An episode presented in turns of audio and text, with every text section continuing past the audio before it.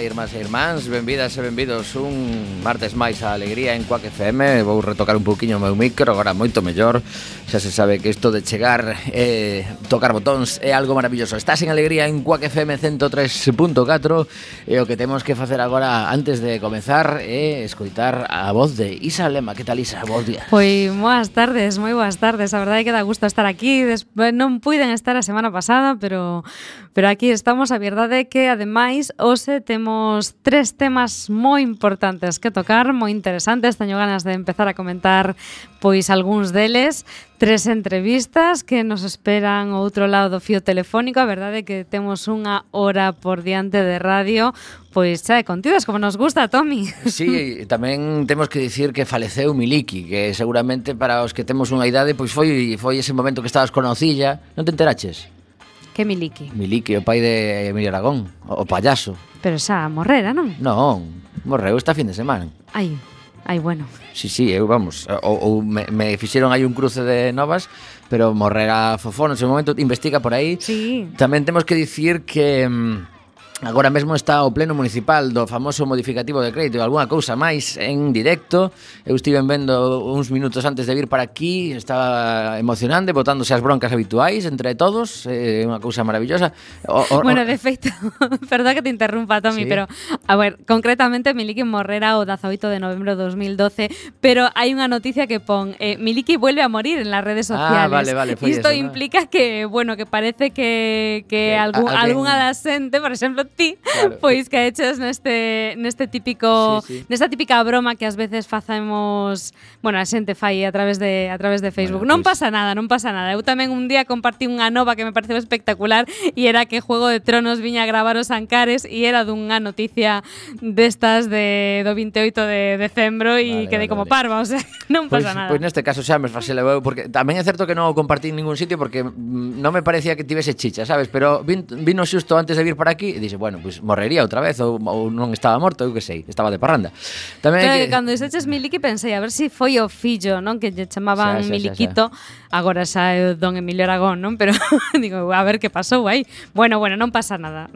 se pasa, pois que me veñan a buscar. E dicir tamén que temos aí un escándalo destes que preocupa moito porque eh, estivemos comentando en moitos sitios a a problemática da xente que está no mundo eh, lácteo porque non chegaban os cartos para cubrir os, eh, os gastos das explotacións leiteiras e agora lemos eh, nos medios de comunicación que subiu dende esa o leite para os consumidores 5 céntimos e deses 5 céntimos só un está chegando aos produtores. Así que menuda merda.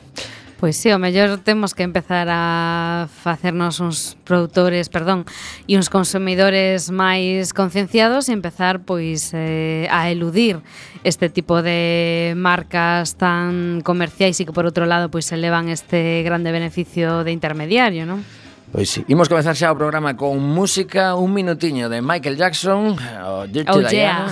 Este tamén está morto Confirmo dato E, e facemos a primeira chamada do programa de hoxe Porque o vindeiro sábado Celebrase a Marcha da Dignidade Cara ao Obradoiro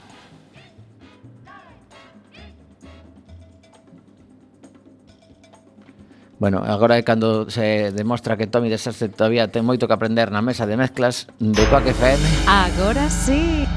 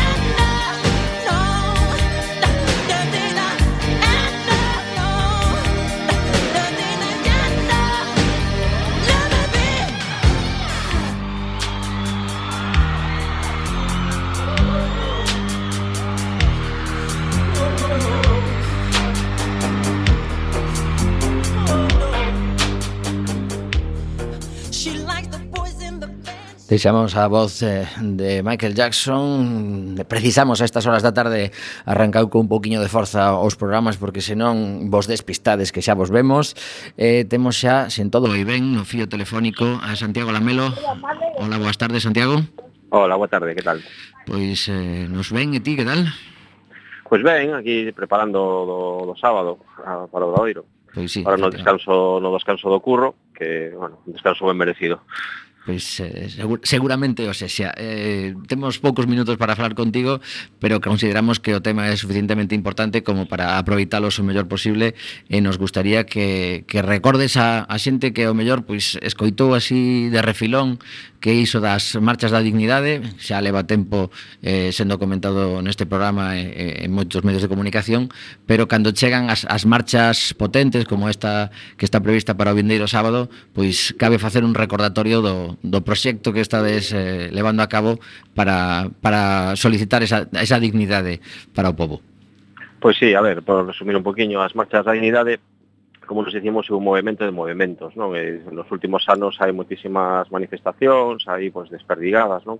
Moitos lumes, non? Que, bueno, que teñen a súa forza, que teñen, bueno, máis ou menos intensidade, pero nós o que pretendemos é xuntar todas esas pequenas manifas pois en grandes manifestacións de xeito que pues, todos os colectivos que están a loitar, toda a xente que está un pouco xa cansa de, de toda esta situación ¿no? que, que nos está a someter o, o poder económico, pues que traballen conjuntamente para, para ter máis forza. ¿no? Eh, a intención é ter, ter máis forza, ser máis fortes para facer fronte a, a ese poder económico do que falaba, que, bueno, que, que, que o seu poder sigue que enorme, non? Entón, se traballamos conjuntamente todos os colectivos e todas as persoas, pois poderemos facerlle fronte, polo menos con, con máis opcións de, pois, de derrotarlo. Non? Eso que o, o que pretenden as marchas da dignidade. Sí, Santiago, cando falades de, bueno, pues de unirmos todas as forzas e colectivos, eh, quen está detrás da convocatoria desta, desta grande manifestación do sábado? Bueno, realmente desde que podemos ver son as marchas da dignidade. As marchas da dignidade están formadas pois, dende sindicatos, partidos, xente sen ningún tipo de afiliación, movimentos sociais, non? Eh, eu, por exemplo, bueno, pertenzo á Fronte Cívica, tamén pertenzo á Marea Atlántica, eh, hai moitos outros, bueno, outras persoas que están en outros colectivos, e, eh, bueno, pues, eh, digamos que o colectivo en sí o que, o que convoca, non? Se convocan, pois, dende, bueno, eh, digamos, da, da semana de loita que, que se fai das marchas da dignidade estatal, nos a facemos aquí no, no Gradoiro, pero realmente, digamos, quen a convoca, bueno, pues aquí, por exemplo, hai dos, dúas coordinadoras, eh, eh, artellando, en Vigo hai outras persoas, non? Eh, e o certo é que ninguna desas persoas é de, de partidos, nin, nin de cousas así estranas, uh -huh. non? Que a veces nos din, non? Eh, entón, digamos que hai que convocar as marchas a unidade, uh -huh. e punto. E cal vai a ser o eslogan ou o lema que se berre ou que le vedes nas pancartas no, no, pois o vindeiro sábado?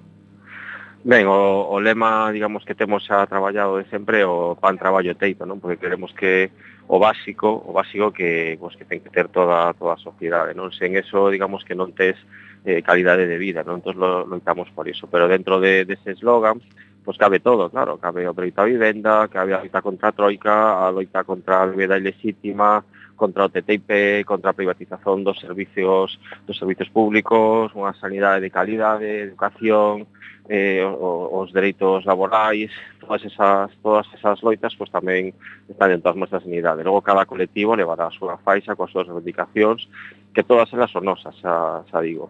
Precisamente a, o contacto para esta entrevista de agora mesmo fixémolo o pasado domingo na, na concentración que houbo no, no Belisco da Coruña a prol dunha sanidade pública, xa unha, unha convocatoria que se fai regularmente, se non me equivoco, os terceiros domingos de mes eh, quizáis o o obxectivo tan amplo mm, desta marcha, das, bueno, das, das marchas que se fan en toda España, pode facer que a xente non, non se aglutine o suficiente porque hai mm, dispersidade, dispersión, dispersión eh, entre, entre eses colectivos e non hai un, unha comunicación continua.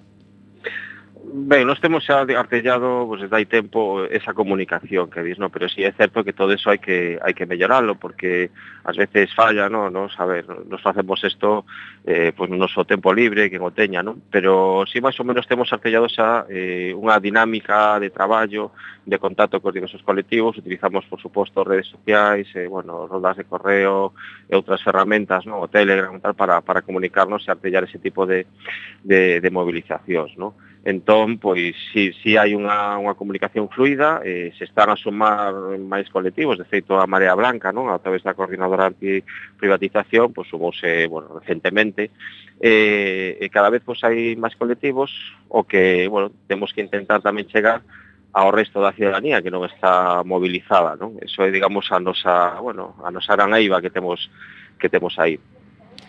Este sábado hai posibilidade de acudir nun autobús que organizades, non sei se aínda quedan prazas, se podes dar o contacto. Sí, quedan prazas. Mira, temos eh, xa un autobús eh, a tope, pero imos eh, levar outro que, que probablemente tamén se encha, non? Pero de momento ainda hai prazas, o autobús sairá dende, dende a Praza Ourense ás, ás 10 menos cuarto do propio, do propio sábado, e logo volta ás, ás dúas e media, non? Pois mira, se o, o sitio máis doado de, de contactar con nós eh, a través do, do noso blog, do blog de mellor aquí de Coruña, porque supoño que aquí nos están a escritar de, de Coruña, que marchas marchas da dignidade de Coruña con, con NH, eh, .wordpress.com non? ou senón buscando en Google marchas da dignidade de Galicia pois tamén aparece o blog galego, o blog de Coruña onde aí está toda a información para, para poder apuntarse tamén no Facebook pois, buscando marchas dignidade de Galicia tamén esta información ou no propio Twitter, non? Eh, calquera desos medios poden contactar pode contactar con nós. Se non, hai un correo que eh, marchas eh, marchasdadignidade@gmail.com e aí tamén pois pues, calquer calquera que se quera apuntar no no bus, pois pues, non hai máis que enviar un correo e xa está. Pois Santiago Lamelo, moitísimas grazas por atender a chamada de Coac FM. Agardamos, sobre todo, que as reivindicacións váyanse logrando pouco a pouco. E, bueno, se fose de golpe xa sería maravilloso, pero hai que ser, sí, hai que ser mal. realistas. eh, no, eh, e a, é unha carreira a longo prazo, eh? a, sí, a longo prazo. Sí. Eh, su, supoño que o día 20 de decembro pois eh, pode ser un, un primeiro momento importante de cara a cada obxectivos. Moitísimas grazas. Venga, unha aperta. Moitas grazas a vos.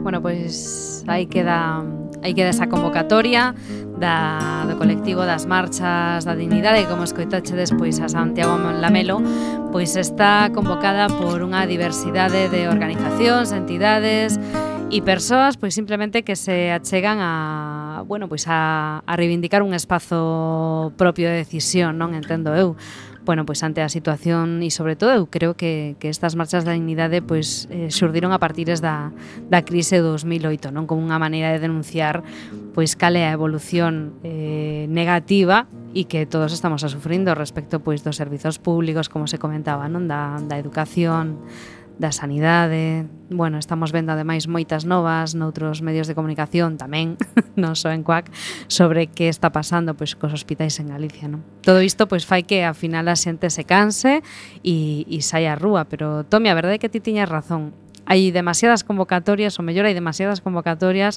e xa non damos feito, non? Porque estar o sábado nunha, o domingo noutra e o vendeiro sábado noutra e pola semana tamén eh, bueno, pois hai diversas concentracións e demais, non parece que unha parte da ciudadanía non ten tempo para descansar e outra está vendo a ver que pasa. É realmente complicado convocar con tanta asiduidade a xente que responda, porque mm. precisamente mm. algo que seguramente se si se fixera unha como fixeron os, eh, os vigueses hai pouquiño con centos de miles de persoas contra algo concreto que é un hospital pois case privatizado eh, a resposta foi masiva. En cambio este domingo se si eles eran 200.000 en Vigo este domingo ese recordatorio de que segue estando aí o problema que hai camas pechadas en moitos hospitais eh, as listas de espera son tremendas falou unha muller que, que nos deixou a todos cos pelos de punta un pouquiño pola súa situación que ten dúas operacións pendentes veces eh, cada unha vai polo seu camiño, unha de Xeonllo uh -huh. e outra de, de pois pues non me lembro se era na man ou algo así. E, e estábamos ali pois pues, unhas 200 persoas E sendo pues, un domingo soleado. Sí, pero claro, claro, se, se queres acadar un obxectivo tan tan potente como que os poderes públicos se mentalicen de que realmente é algo que, que nos preocupa e que deberían tomarse moi en serio que, que é a saúde, pois 200 persoas nunha cidade de mm. 250.000 non é demasiado representativo. Mm. Falas do falas do domingo e bueno, pois houbo o domingo creo que unha reportaxe que tivo moito impacto, non? Que que esta entrevista face to face que fixeron eh, na sexta, se, se lembro ben, sí. pois aos líderes tanto de Podemos como de Ciudadanos, non? E, bueno, digo que deu bastante que falar e, por outro lado, Pois é sorprendente que, por exemplo, nunha hora e algo de programa, ningún dos dous líderes, eh, supostamente persoas que van a ter unha representación importante no Parlamento nas, na, despois das eleccións do 20 de decembro, pois ningún deles fixo referencia a un drama humano que estamos a vivir actualmente no Estado, que é o asasinato de mulleres por, por violencia machista, non? Tampouco se falou de Siria, por exemplo. Tamén. Tamén é certo tamén. que hoxe acabo de compartir aí un ratiño no, no meu Facebook, que estiven, estiven lendo, creo que en el diario.es, unha reportaxe sobre todo o que sucedeu durante a grabación.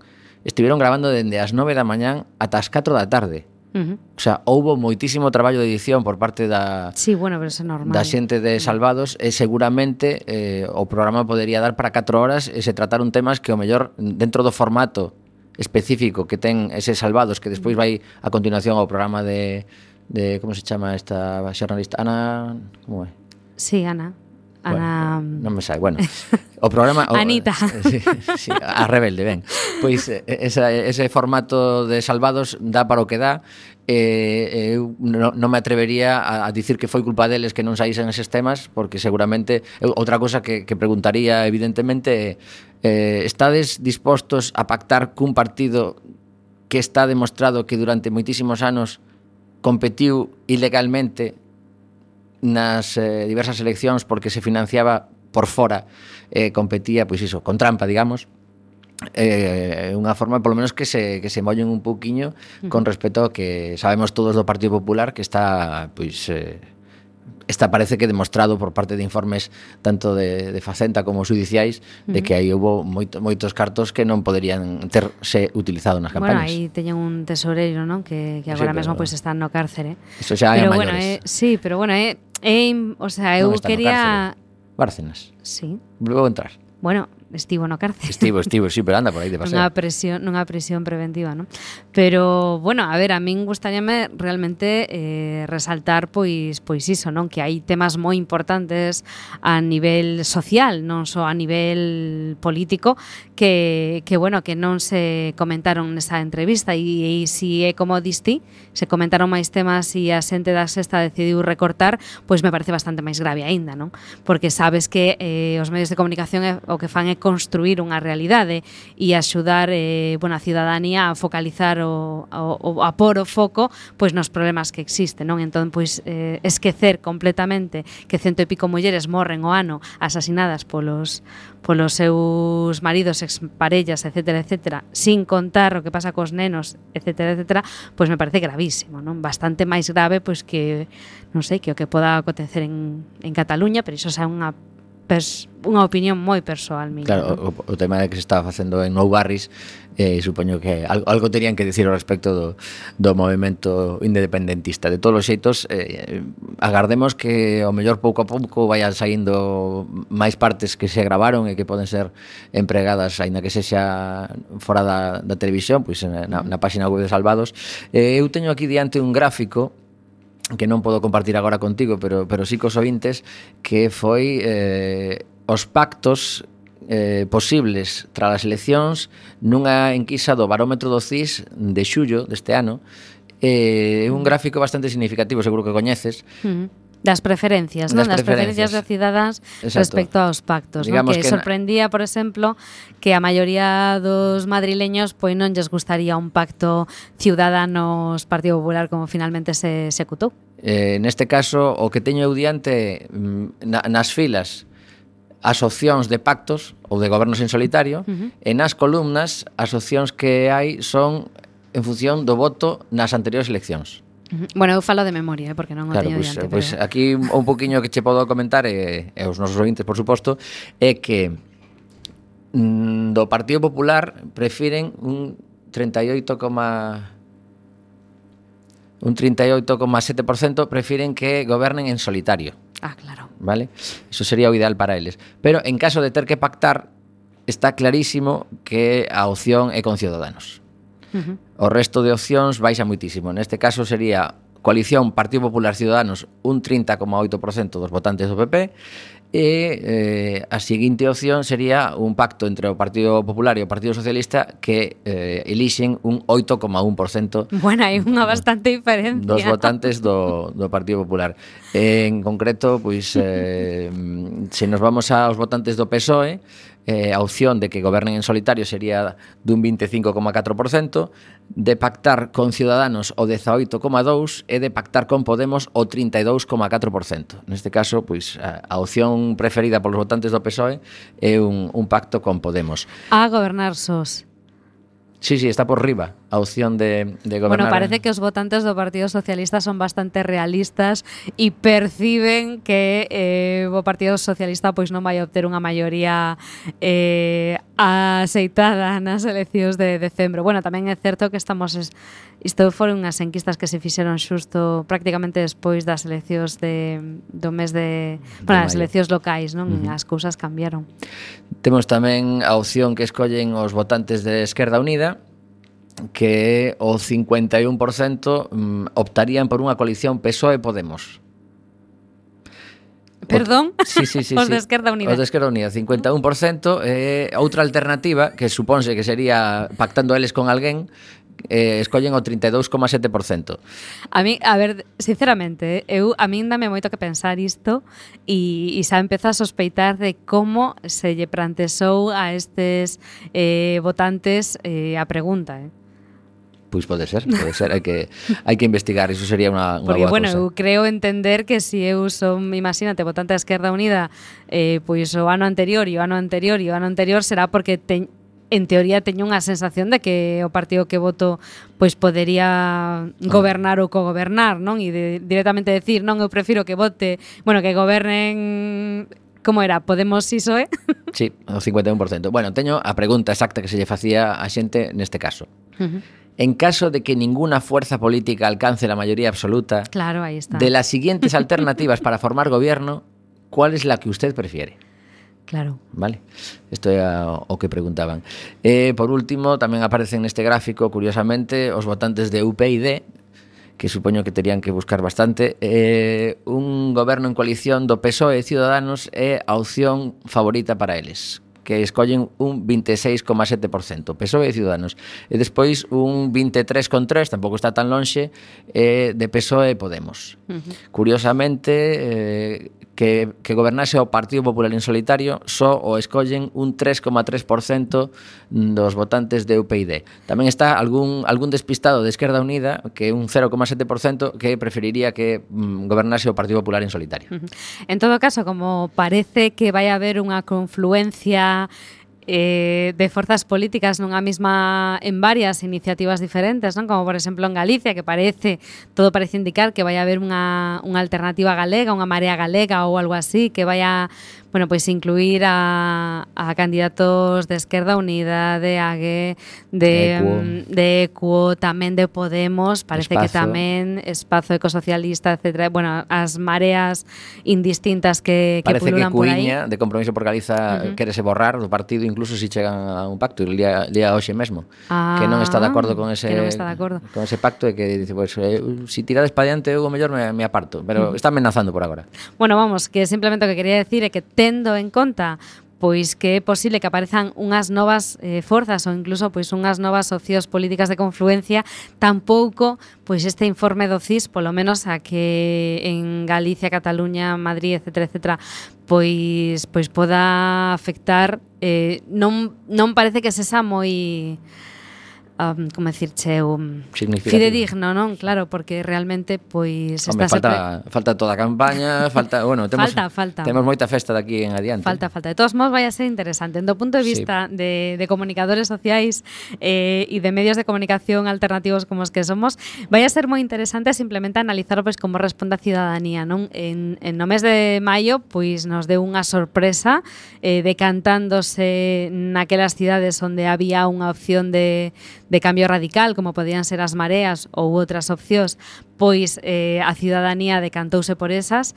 Agora que xa falamos de, de institucións un pouco máis alleas, como son o Parlamento e, o, e a composición do goberno, pois eh, tal vez a ciudadanía se volva un pouco máis conservadora e escolla este tipo de, de pactos un pouco máis tranquilos, non? O que sería, bueno, pois unha opción eh, Partido Socialista Podemos, por exemplo, que xa está funcionando en Castilla-Mancha, que está funcionando en, en Aragón, Aquí o que vai non, ser, vai a ser ver, o mellor é, é interesante. A min, a min gustame pois, analizar estas, estas tendencias e tamén a ver como os diferentes partidos políticos son capaces de persuadir a novos votantes, non? Porque todo parece indicar que ninguén vai a, ma, a obter a maioría absoluta, salvo o Partido Popular que, que se ve confiado en poder, en poder sacar eh, as eleccións adiante positivamente para eles. Pois mira que eu teño a impresión de que vai haber sorpresa para eles, negativa, non sei por qué.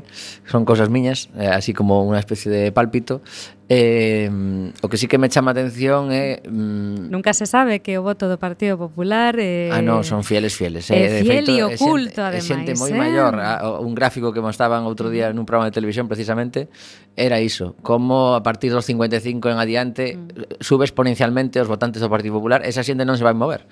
Mm. Eso está claro, salvo que de repente empecen a sair máis cousas que os cabrén, como por exemplo que lle estamos pagando unha pasta enorme a dúas persoas para para a atender día a día ao pai de Rajoy eh, na Moncloa, ese tipo de cousas, o mellor se va sumando moitas, moitas, moitas, algún se mosquea e acaba votando a Ciudadanos, a ciudadanos. Ou, ou se va directamente a, a dar un paseo polo monte, eh, non quero saber nada. Temos que continuar co programa porque isto pasa a un ritmo frenético e hoxe temos unha boa nova porque eh, el Canca saca a nova canción.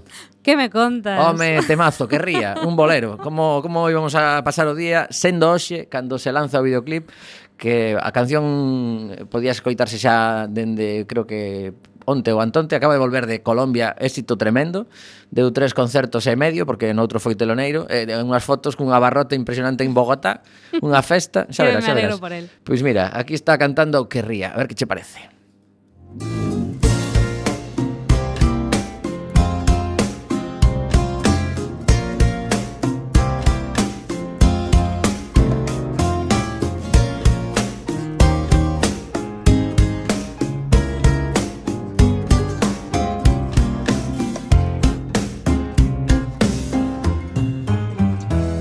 Querría sujetarte las mañanas, hacer malabarismo con tu voz y con mi voz.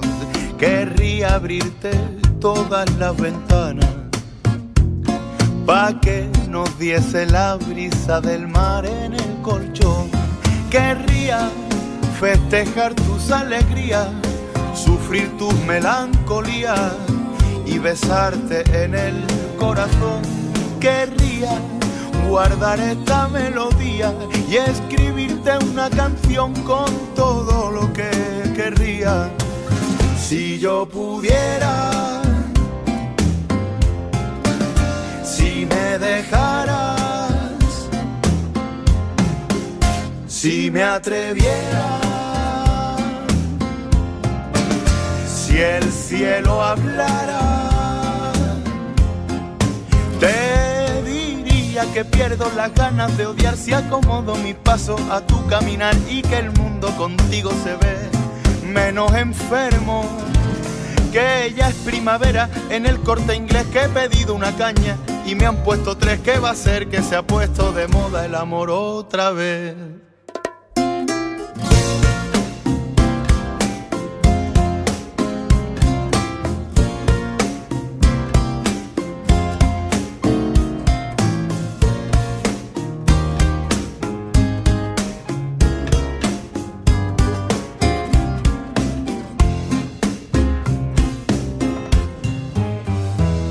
Querría traducirte la mirada,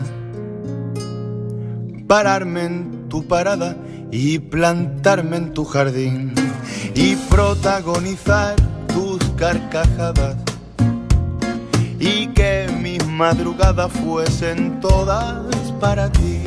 Querría salpimentarte los días, rebuscarte las manías y darle armonía a tu son. Querría que toda la poesía se rindiera ante la rima de tu vida con la mía. Si yo pudiera, si me dejaras, si me atreviera, si el cielo hablara, te que pierdo las ganas de odiar si acomodo mis pasos a tu caminar y que el mundo contigo se ve menos enfermo. Que ya es primavera en el corte inglés que he pedido una caña.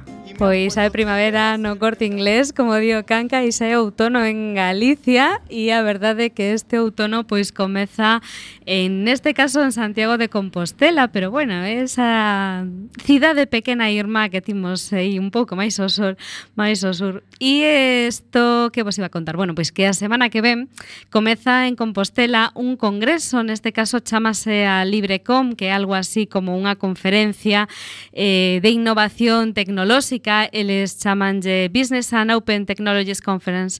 Vais a desenvolver o 29 e 30 de outubro e vos contaba que a pesar de desenvolverse en Compostela, pois eh, vanse reunir estos dous días eh, na Cidade da Cultura representantes de diferentes empresas, representantes de diferentes administracións, incluso pois eh, entidades de carácter pois máis institucional, eh, a falar da innovación, da innovación tecnolóxica que ten relación co, co software libre. Non?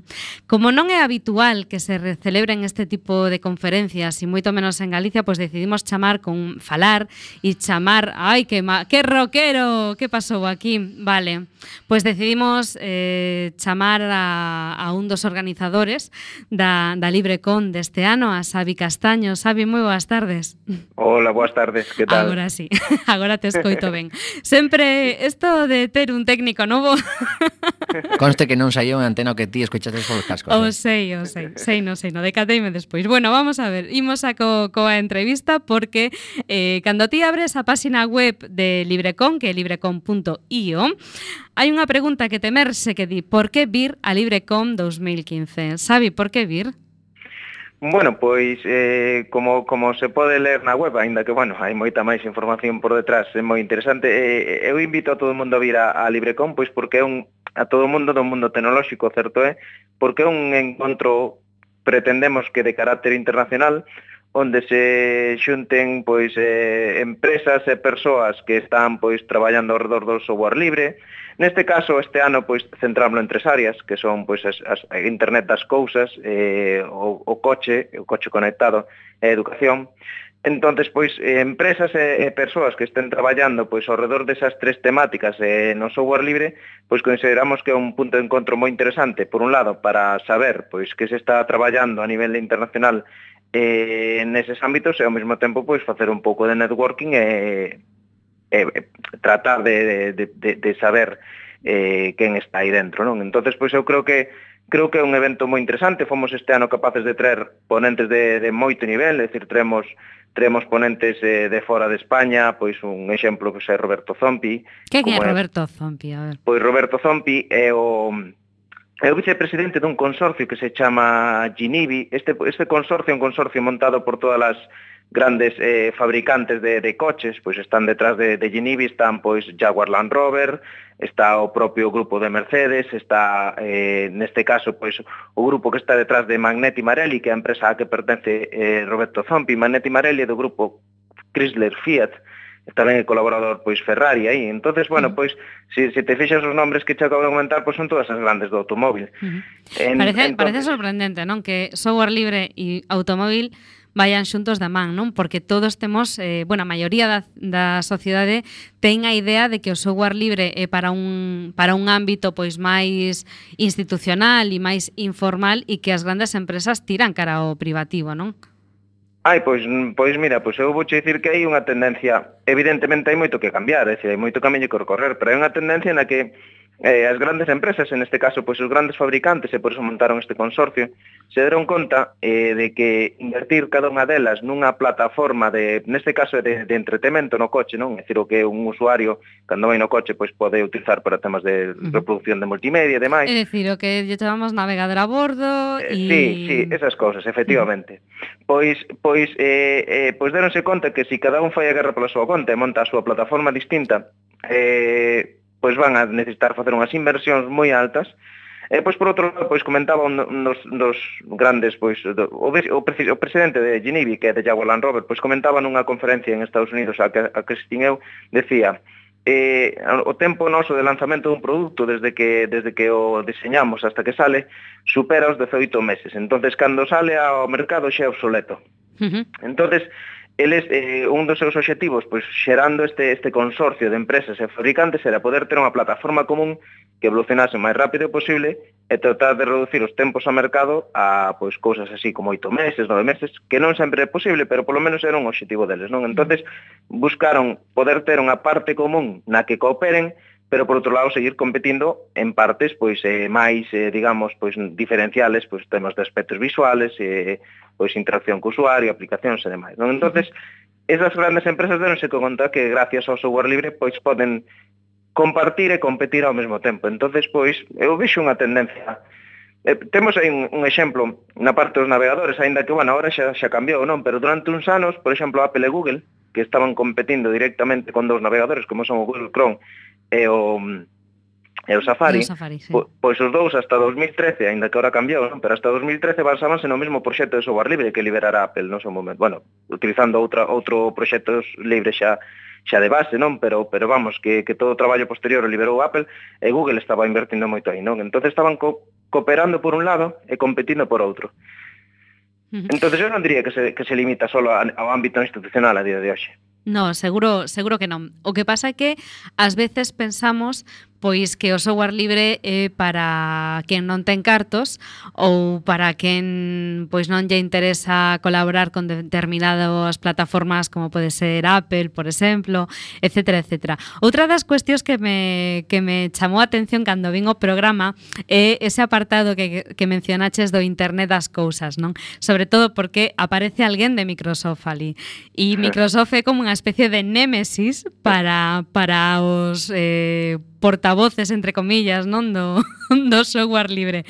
Como conseguiche desta esta xente? Enganáchelos ou realmente están intentando aportar algo máis á comunidade? Mm, bueno, evidentemente esa é a pregunta que nos esperamos despois de que Microsoft salga non só na, na axenda cunha charla, sino como patrocinador eh, platino, non? Pois uh -huh. a realidade é que... Ou eso ou viñeron de... polo pulpo. evidentemente, evidentemente o pulpo tira moito, non? Pero, non, eu creo que Eh, eu creo que Microsoft eh, deuse conta, debeuse dar conta. Eu non vou defender a Microsoft porque precisamente pois cando nos montamos a nosa empresa pois tiñamos a Microsoft en mente como un dos grandes inimigos do software libre, non? E sigo sendo, pero pero a realidade é que se deron conta eh, últimamente que non poden ir en contra do software libre que o movimento, pois que, que naquele momento, non cando naceu nos anos eh, 80, pois era algo máis máis eh, secundario, pero a realidade é que a día de hoxe converteuse en algo que está movendo o mundo. A uh -huh. innovación, en, en, como che decía, pois mira, os propios sectores dos automóviles, fijadvos, pois que este consorcio non teria sentido hai 10 anos, non? Entonces, eh, Eh, eu creo que se están dando conta que non poden ir en contra de por onde está evolucionando eh, a innovación e eh, eh, as inversións, entonces pois están intentando unir. Uh -huh. Evidentemente, eh, non cambiaron as súas estrategias respecto a pois ao seu sistema operativo, ao seu a súa sitofimática e demais, pero sí eh, se ve que, por exemplo, na parte esta de do que é o, os sistemas de cloud, pois están levando unha estrategia distinta. Entonces, pois de alguma forma eu entendo eh, que, que, que están intentando, pois, pues, de alguma forma, lavar a cara e, a, e deixar de aparecer como eterno enemigo do, do Linux. Uh -huh. E unha pregunta, porque cando facemos este tipo de congresos, e eu teño colaborado tamén con congresos de, de software libre, pero de outro de outro eido, Parece que eh, é moi importante e destacamos pois a xente do estranxeiro que ven aquí. E eso ás veces pois genera a sensación de que eh, en Galicia ou en España non se innova tecnolóxicamente. Sin embargo, eh, si hai exemplos, non? O, o, hai moitos exemplos, é dicir, eh, eu podría che nombrar infinitos e non, non vou facer por non por non deixar xente fora, non? Pero evidentemente en España estás facendo moitas cousas moi interesantes e na propia Coruña eh, pois están facendo e se está chegando ao mundo desde, desde a Coruña innovando en, en software libre, é dicir, a, a propia empresa pois para a que eu traballo, uh -huh. da que son socio como a Igalia, pois estamos traballando uh -huh. con clientes con clientes a nivel mundial, facturando pois 90% fora de España, non? Pero pero pero eso eu, eu creo que unha cousa non quita a outra, é dicir, para min o feito de que trallamos ponentes de relevancia a nivel mundial, eh, o, meu, o obxectivo non é tanto eh, que non que non destaque o que se fai en Galicia, senón que esa xente que está fora coñece a Galicia, coñece que hai cousas que se fan moi interesantes en Galicia uh eh, -huh. e, e de alguma forma posi, empezar a posicionar Galicia un pouco no, no mundo tecnolóxico, uh -huh. porque porque Galicia como como rexión desgraciadamente pois non ten non ten unha imaxe de marca, non ten unha imaxe tecnolóxica ningunha, non? Entonces, uh -huh. pois intentar posicionalo no, no que é o, o ámbito internacional de eventos, eh, pois que veña xente de Estados Unidos ou de, de outras partes de Europa a falar aquí, ou un tío de Hong Kong a falar aquí, pois xa empeza a, a, a fomentar eso que eu intento que é eso de, de, de, de posicionarnos a nivel mundial, non? entonces Pois por eso, por eso intentamos, non por, non por despreciar de alguna forma, por, por, por pensar que aquí non se fan cousas que se fan moitas, vamos, como diste. No, no, no, non era unha pregunta con interese de desprecio en absoluto, sabes que xusto contrario, non? Pero ás veces, pois tamén hai que, entre comillas, dar un golpe na mesa e decir, bueno, aquí tamén se fan as cousas ben, non? Que decías ti, bueno, pois traer a xente da fora e ensenarlle que en Galicia pois hai algo máis que pulpo, non? Eh, Dentro de, do que é innovación tecnolóxica e dentro da aposta dun, dun país polo software libre, as administracións públicas tamén teñen un rol importante que desenvolver, non? Non sei se si, si se puxeron eh, as pilas eh, nos últimos anos neste senso e, bueno, parece que, que por exemplo, na, na organización da LibreCon non foron, non foron eles os, os pioneiros, sino que foi a Gasol. Realmente, cal é o rol que están a desenvolver as administracións agora? Bueno, eh, as administracións levan levan varios anos pois el desenvolvendo accións ao redor do, do software libre, pois implantando eh, pois algunha distribución no ámbito da educación. A realidade é que desgraciadamente queda moito camiño por recorrer e por outro lado eh, tamén é eu a miña experiencia en nestes últimos anos e non falo só de Galicia, sino a nivel español en, en moitas comunidades é que se trata casi de, de esforzos individuales, é dicir, pois eh, grupos de traballo ou, ou grupos que, que, que creen que creen que o software libre é a solución e acaban implantando, non? E moitas veces pois atopan con barreras políticas de alto nivel. Ainda así, pois é certo que nos últimos anos pois os propios políticos se foron dando conta de que o software libre pode ser unha saída eh, á crisis, evidentemente focanse sempre na parte económica, aínda que, que non sexa exclusivamente a parte na que debes enfocarse, pero bueno, é dicir, eh, utilizando eso como excusa, pois eh, estiveron facendo cousas, non? Entonces, parece que se vai avanzando, pero moi lento, moi lento. A verdade é que eh, creemos que, que as administracións deberían facer unhas apostas máis máis globais, é dicir, non só pensar en facer pequenas migracións de, de equipos ou de, de, de algunhas ofimáticas, sino, sino xa pensar máis en global, e, e pensar tamén en que non é, é dicir, o, o software libre non é unha forra de costes, sino que é unha inversión, é dicir, moitas veces eu falando en círculos privados, eu defendo que, que, que se xeras que, que, que nos, nos distintos ámbitos do, da administración se implante ou se implementen cousas de software libre, eh, vas a xerar tamén un tecido un tecido local de empresas que, que van a xerar coñecemento. E non só vas a alquilar aplicacións a empresas internacionales de fora, non? entonces eu creo que hai que pensarlo máis como unha inversión e creo que que deberían facer máis esforzo. Evidentemente estánse facendo cousas e, e desde a Gasol pois levamos colaborando xa nos pois ca Antega en convenio de colaboración e, uh -huh. e cabe é interesante nomealo, pero pero pois gustaríanos como sempre que que se fixeran máis cousas, eso desde logo. E bueno, nos que estamos eh, situados aquí no, no campus del Viña Zapateira da Universidade da Coruña, pois tamén pensamos un pouco pois que pode ser unha boa alternativa para todos esos rapaces e rapazas que se licencian ou se gradúan en informática e que, bueno, pois poderían achegarse eh, a semana que ven, a vindeira semana, pois a Santiago de Compostela a coñecer un pouco máis pois a innovación tecnolóxica que, que é o que se está a facer, non? O 29 e o 80 de outubro, non sei se tedes algún algún tipo de, de coste de entrada ou Bueno, mm, que teñen no, que facer? No, no, é, é, é gratuito. É gratuito, é, perfecto. Decir, vale. O único que necesitamos é que se, que se registren e, e que, oi, para saber cantos van a vir. A verdade é que é moi interesante o que comentas de, de, de os alumnos e a xente pois, que está estudiando eh, pois, na Facultade de Informática de Coruña, porque porque a realidade é que o mundo do software libre eh, é, é moi descoñecido desde o punto de vista das oportunidades laborales.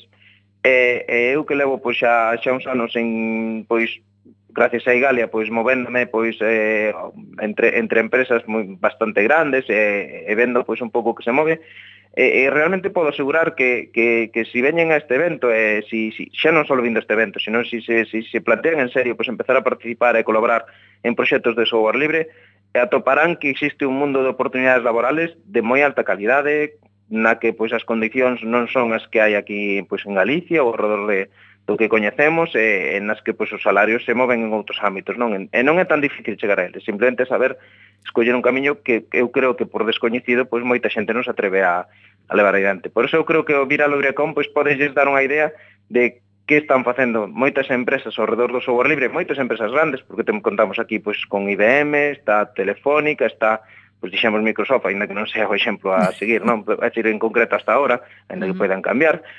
eh, ou, ou, ou Intel, por exemplo. Está Intel, por exemplo, claro, está Manetti Marelli, eh, eh, hai moitísimas empresas que son grandes e eh, que están invertindo en software libre, en cosas de software libre. entonces eu creo que podes resultar de moi, moito interés para, para calquera alumno ou exalumno que este pois pensando en, en como reorientar ou orientar a súa, o seu, a súa carreira profesional. Moi ben, Xavi Castaño, pois son as 6.48, temos que despedirte, moita sorte a semana que ven con este congreso e xa nos contarás as conclusións que tamén nos interesa coñecelas. Un bicazo. Pois, pois moitas gracias a vos por, por permitirme falar. Hasta logo. Hasta logo.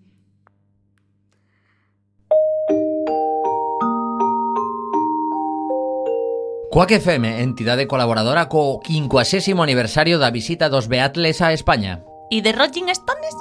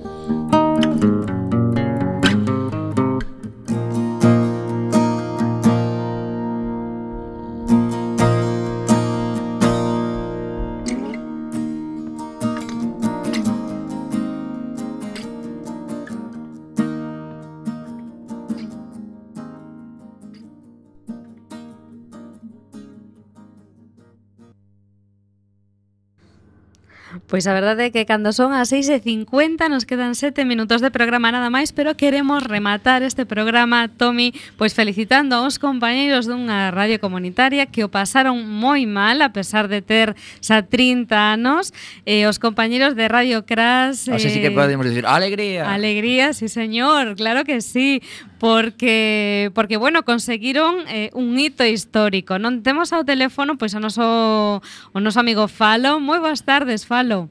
Hola, buenas tardes. Bueno, vamos a ver, felicitamos. Vaya documento, claro, eh. Claro. Eso, eso é para, para ir repartindo pola rúa. Mola moitísimo.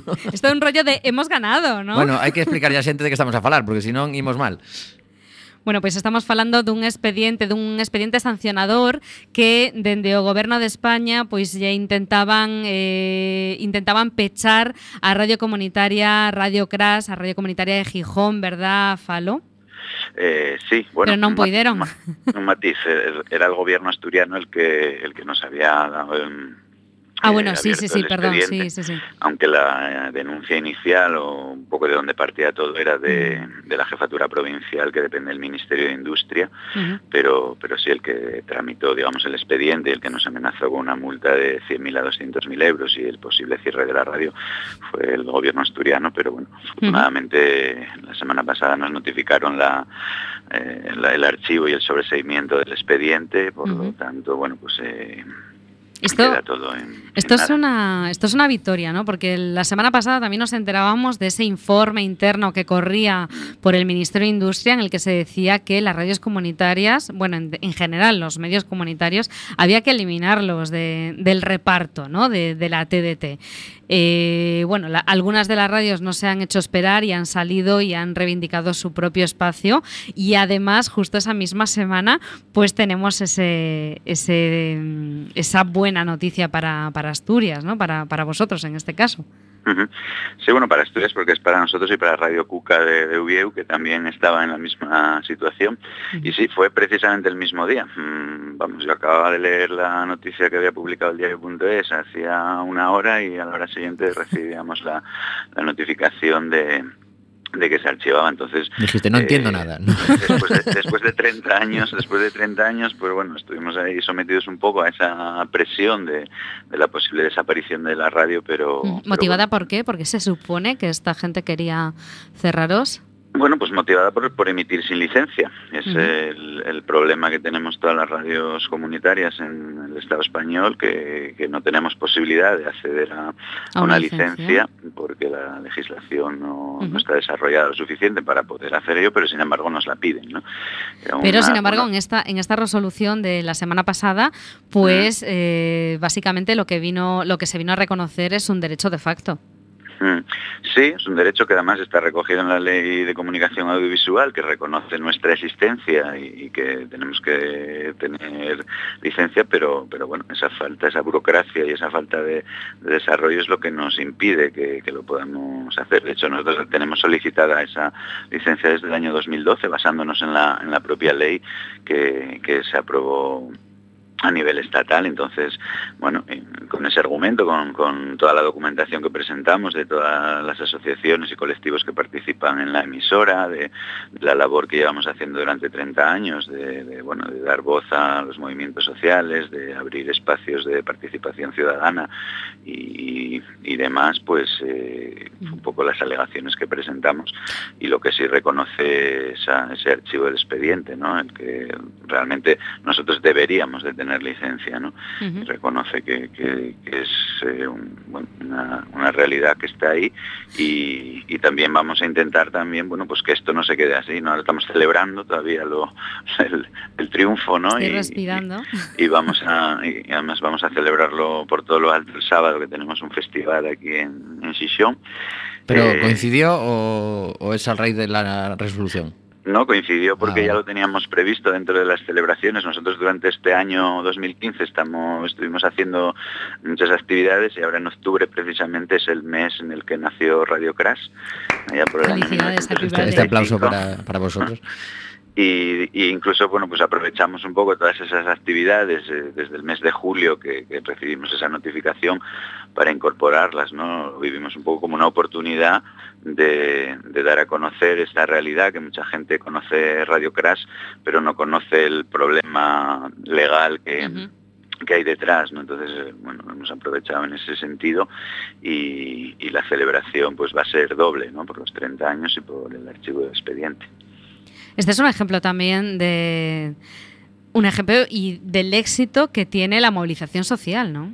Uh -huh. De la fuerza sí. que tiene y de la función social y el rol social que desenvuelven los medios comunitarios.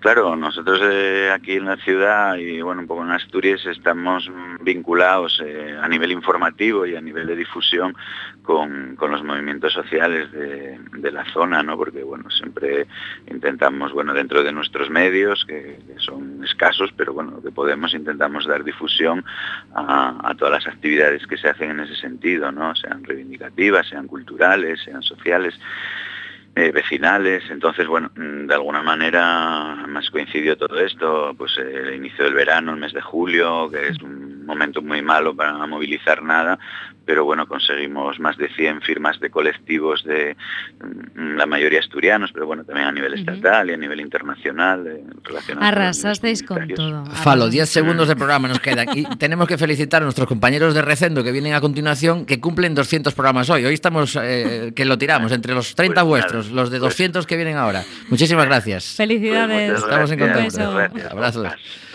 Pues nada, que Recendo, felicidades, que nos vamos. Hasta